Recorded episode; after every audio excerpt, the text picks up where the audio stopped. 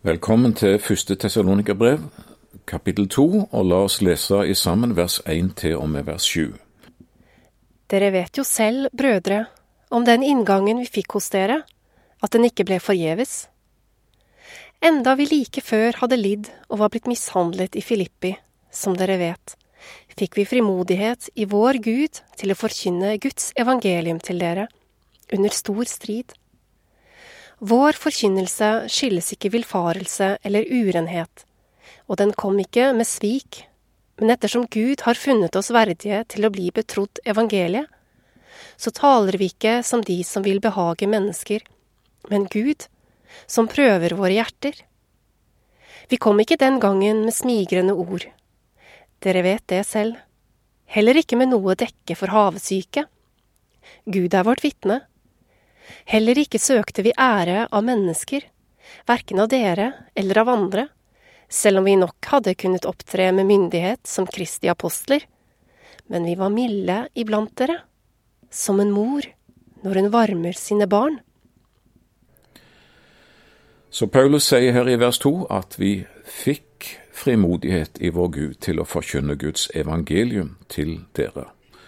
Sjøl Paulus hadde ikke i seg sjøl en stor ballast med frimodighet som han alltid kunne ta av. Han måtte få frimodighet fra Gud til å forkynne. Det var mye som kunne tatt hans frimodighet.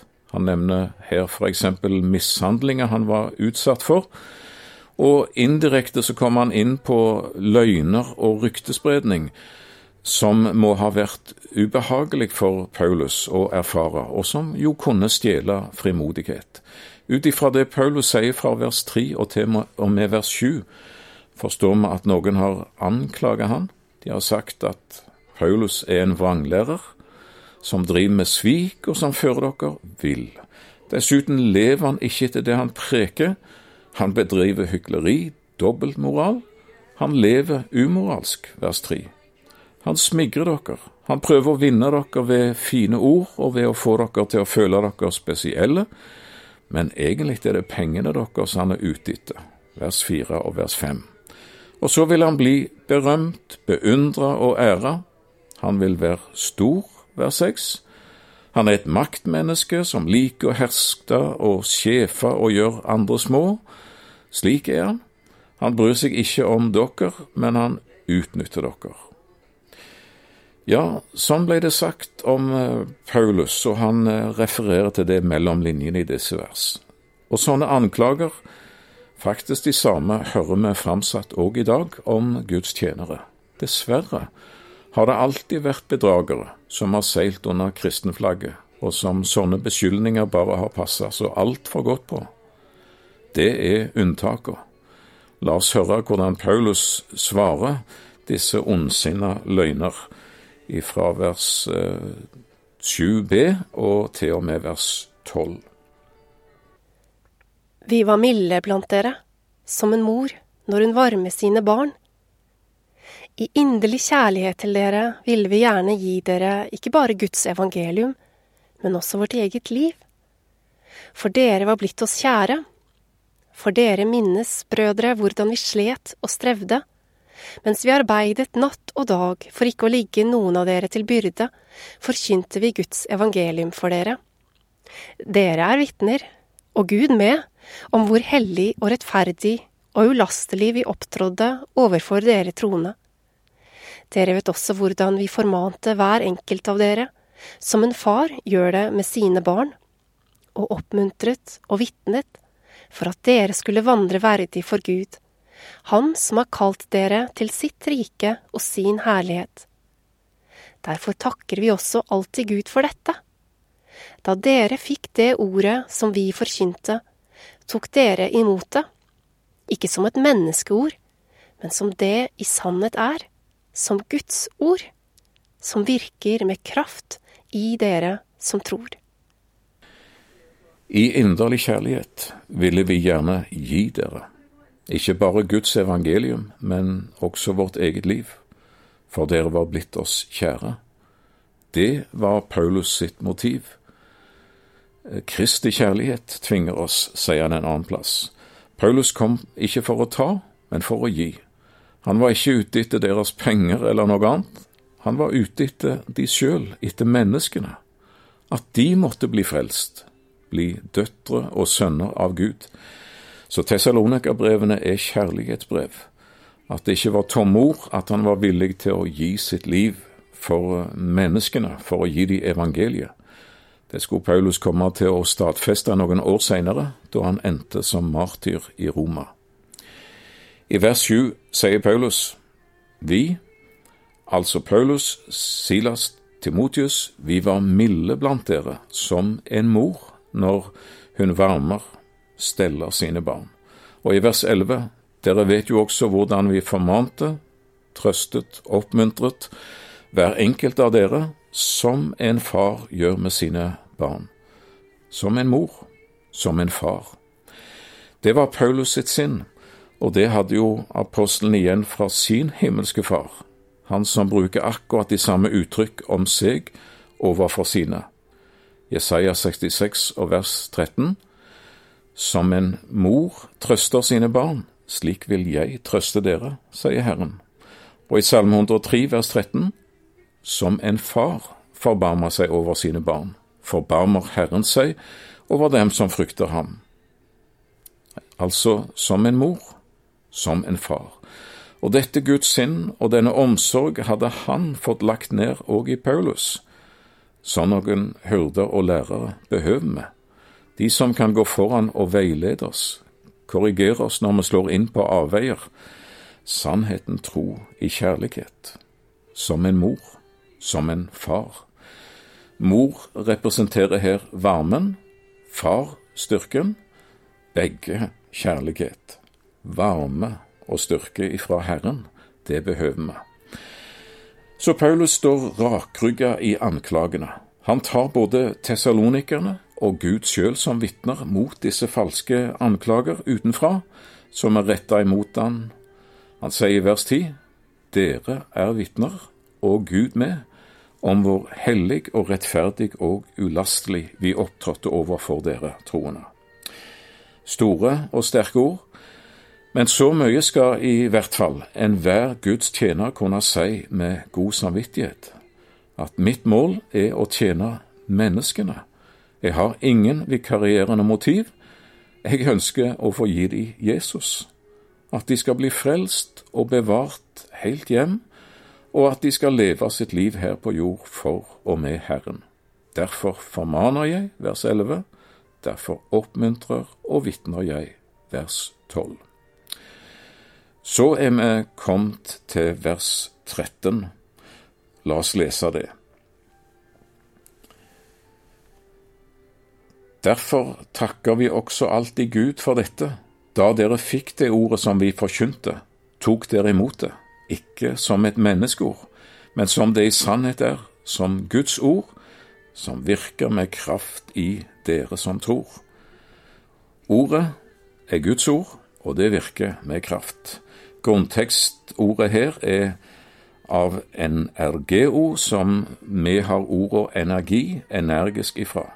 Guds ord er ikke inaktivt, det er levende, virksomt, energisk, og skarpt og gjennomtrengende, sier Hebreabrev 4 og vers 12. La oss så gå til versene 14 til og med vers 20. For dere, brødre, er blitt etterfølgere av de Guds menigheter som er i Kristus Jesus i Judea. For dere har fått lide det samme av deres egne landsmenn som de har fått lide av judeerne, de som drepte Herren Jesus og profetene, og som også har forfulgt oss. De er ikke Gud til behag, og de står alle mennesker imot. For de hindrer oss i å forkynne for hedningene, så de kan bli frelst. Slik fyller de alltid sine synders mål. Men nå har vreden til sist nådd dem. Vi ble for en kort tid tatt fra dere, brødre. Dere var ute av syne, men ikke av sinn. Og vår lengsel etter dere ble så sterk at vi hastet desto mer for å få se deres ansikt. Derfor ville vi komme til dere igjen. Jeg, Paulus, forsøkte både én og to ganger, men Satan hindret oss. For hvem er vel vårt håp? vår glede, vår hederskrans, om ikke nettopp dere, når vi står for vår Herre Jesus i Hans komme. Dere er jo vår ære og vår glede. Første Tessalonikerne 2, 14-20 Avsnittet handler om lidelse, hindringer, lengsel og optimisme. Lidelser fordi det kosta å følge Jesus. Hindringer fordi både Satan og mennesker gjorde alt for å hindre apostlene fra å forkynne evangeliet. Lengsel fordi Paulus lengta så inderlig etter disse nyomvendte tessalonikere, etter å se de igjen. Og optimisme fordi vi ender hjemme hos vår Herre Jesus i Hans komme, vers 19. Det er målet. Å legge hindringer i veien for evangeliets forkynnelse, å hindre mennesker fra faktisk å bli frelst, det regnes som et toppmål av synd. Slik fyller de alltid sine synders mål, sier vers 16, ved å hindres i å forkynne for hedningene, så de kan bli frelst. Paulus eh, snakker i sammenhengen her om jødiske lederes motstand mot evangeliet. Men det gjelder jo ikke bare disse. Det gjelder som prinsipp å legge hindringer i veien for menneskers frelse og evangeliets forkynnelse. Ja, da vil du få med Guds vrede og bestille. Vi har et ordtak ute av syne, ute av sinn. Slik er det jo ofte. Paulus snur på det i vers 17. Dere var ute av syne, men ikke av sinn. Vi lengter så etter dere, kjære tessalonikere, etter å se dere igjen. Vi gjorde hva vi kunne for å nå dere, men Satan hindret oss. Vi føler liksom Paulus sitt hjerte banke her. Det er sånn at han visste jo at djevelen var ute etter disse nyfrelste menneskene, så han forsøkte to ganger å komme i kontakt med dem. Begge ganger stilte djevelen seg i veien, men kjærlighet oppfinnsom gjør, så mens djevelen var opptatt med å sperre veien for Paulus, smatt Timotius ut bakdøra og dro til tessalonikerne med oppbyggelse og kom lykkelig tilbake. Gud har alltid en vei. Hvor hardt djevelen arbeider, skal han ikke få ødelegge Guds gjerning. Og lukkes døra for én tjener, kan Herren åpne opp for en annen. Gud er Gud. Dere er vårt håp, vår glede, vår seierskrans, vår hederskrans, vår ære. Det erklærer Paulus til tessalonikerne. Slik så han på de, og det lot han de òg få høre. Uttrykket hederskrans, eller æreskrans, er henta ifra idrettsarenaen og betegner laurbærkransens seierherren vant ved de store idrettsleker. Så Paulus sier å forføre mennesker til Jesus, det er min største glede og ære. Det er det øverste trinnet. Tenk, jeg fikk føre noen til Jesus.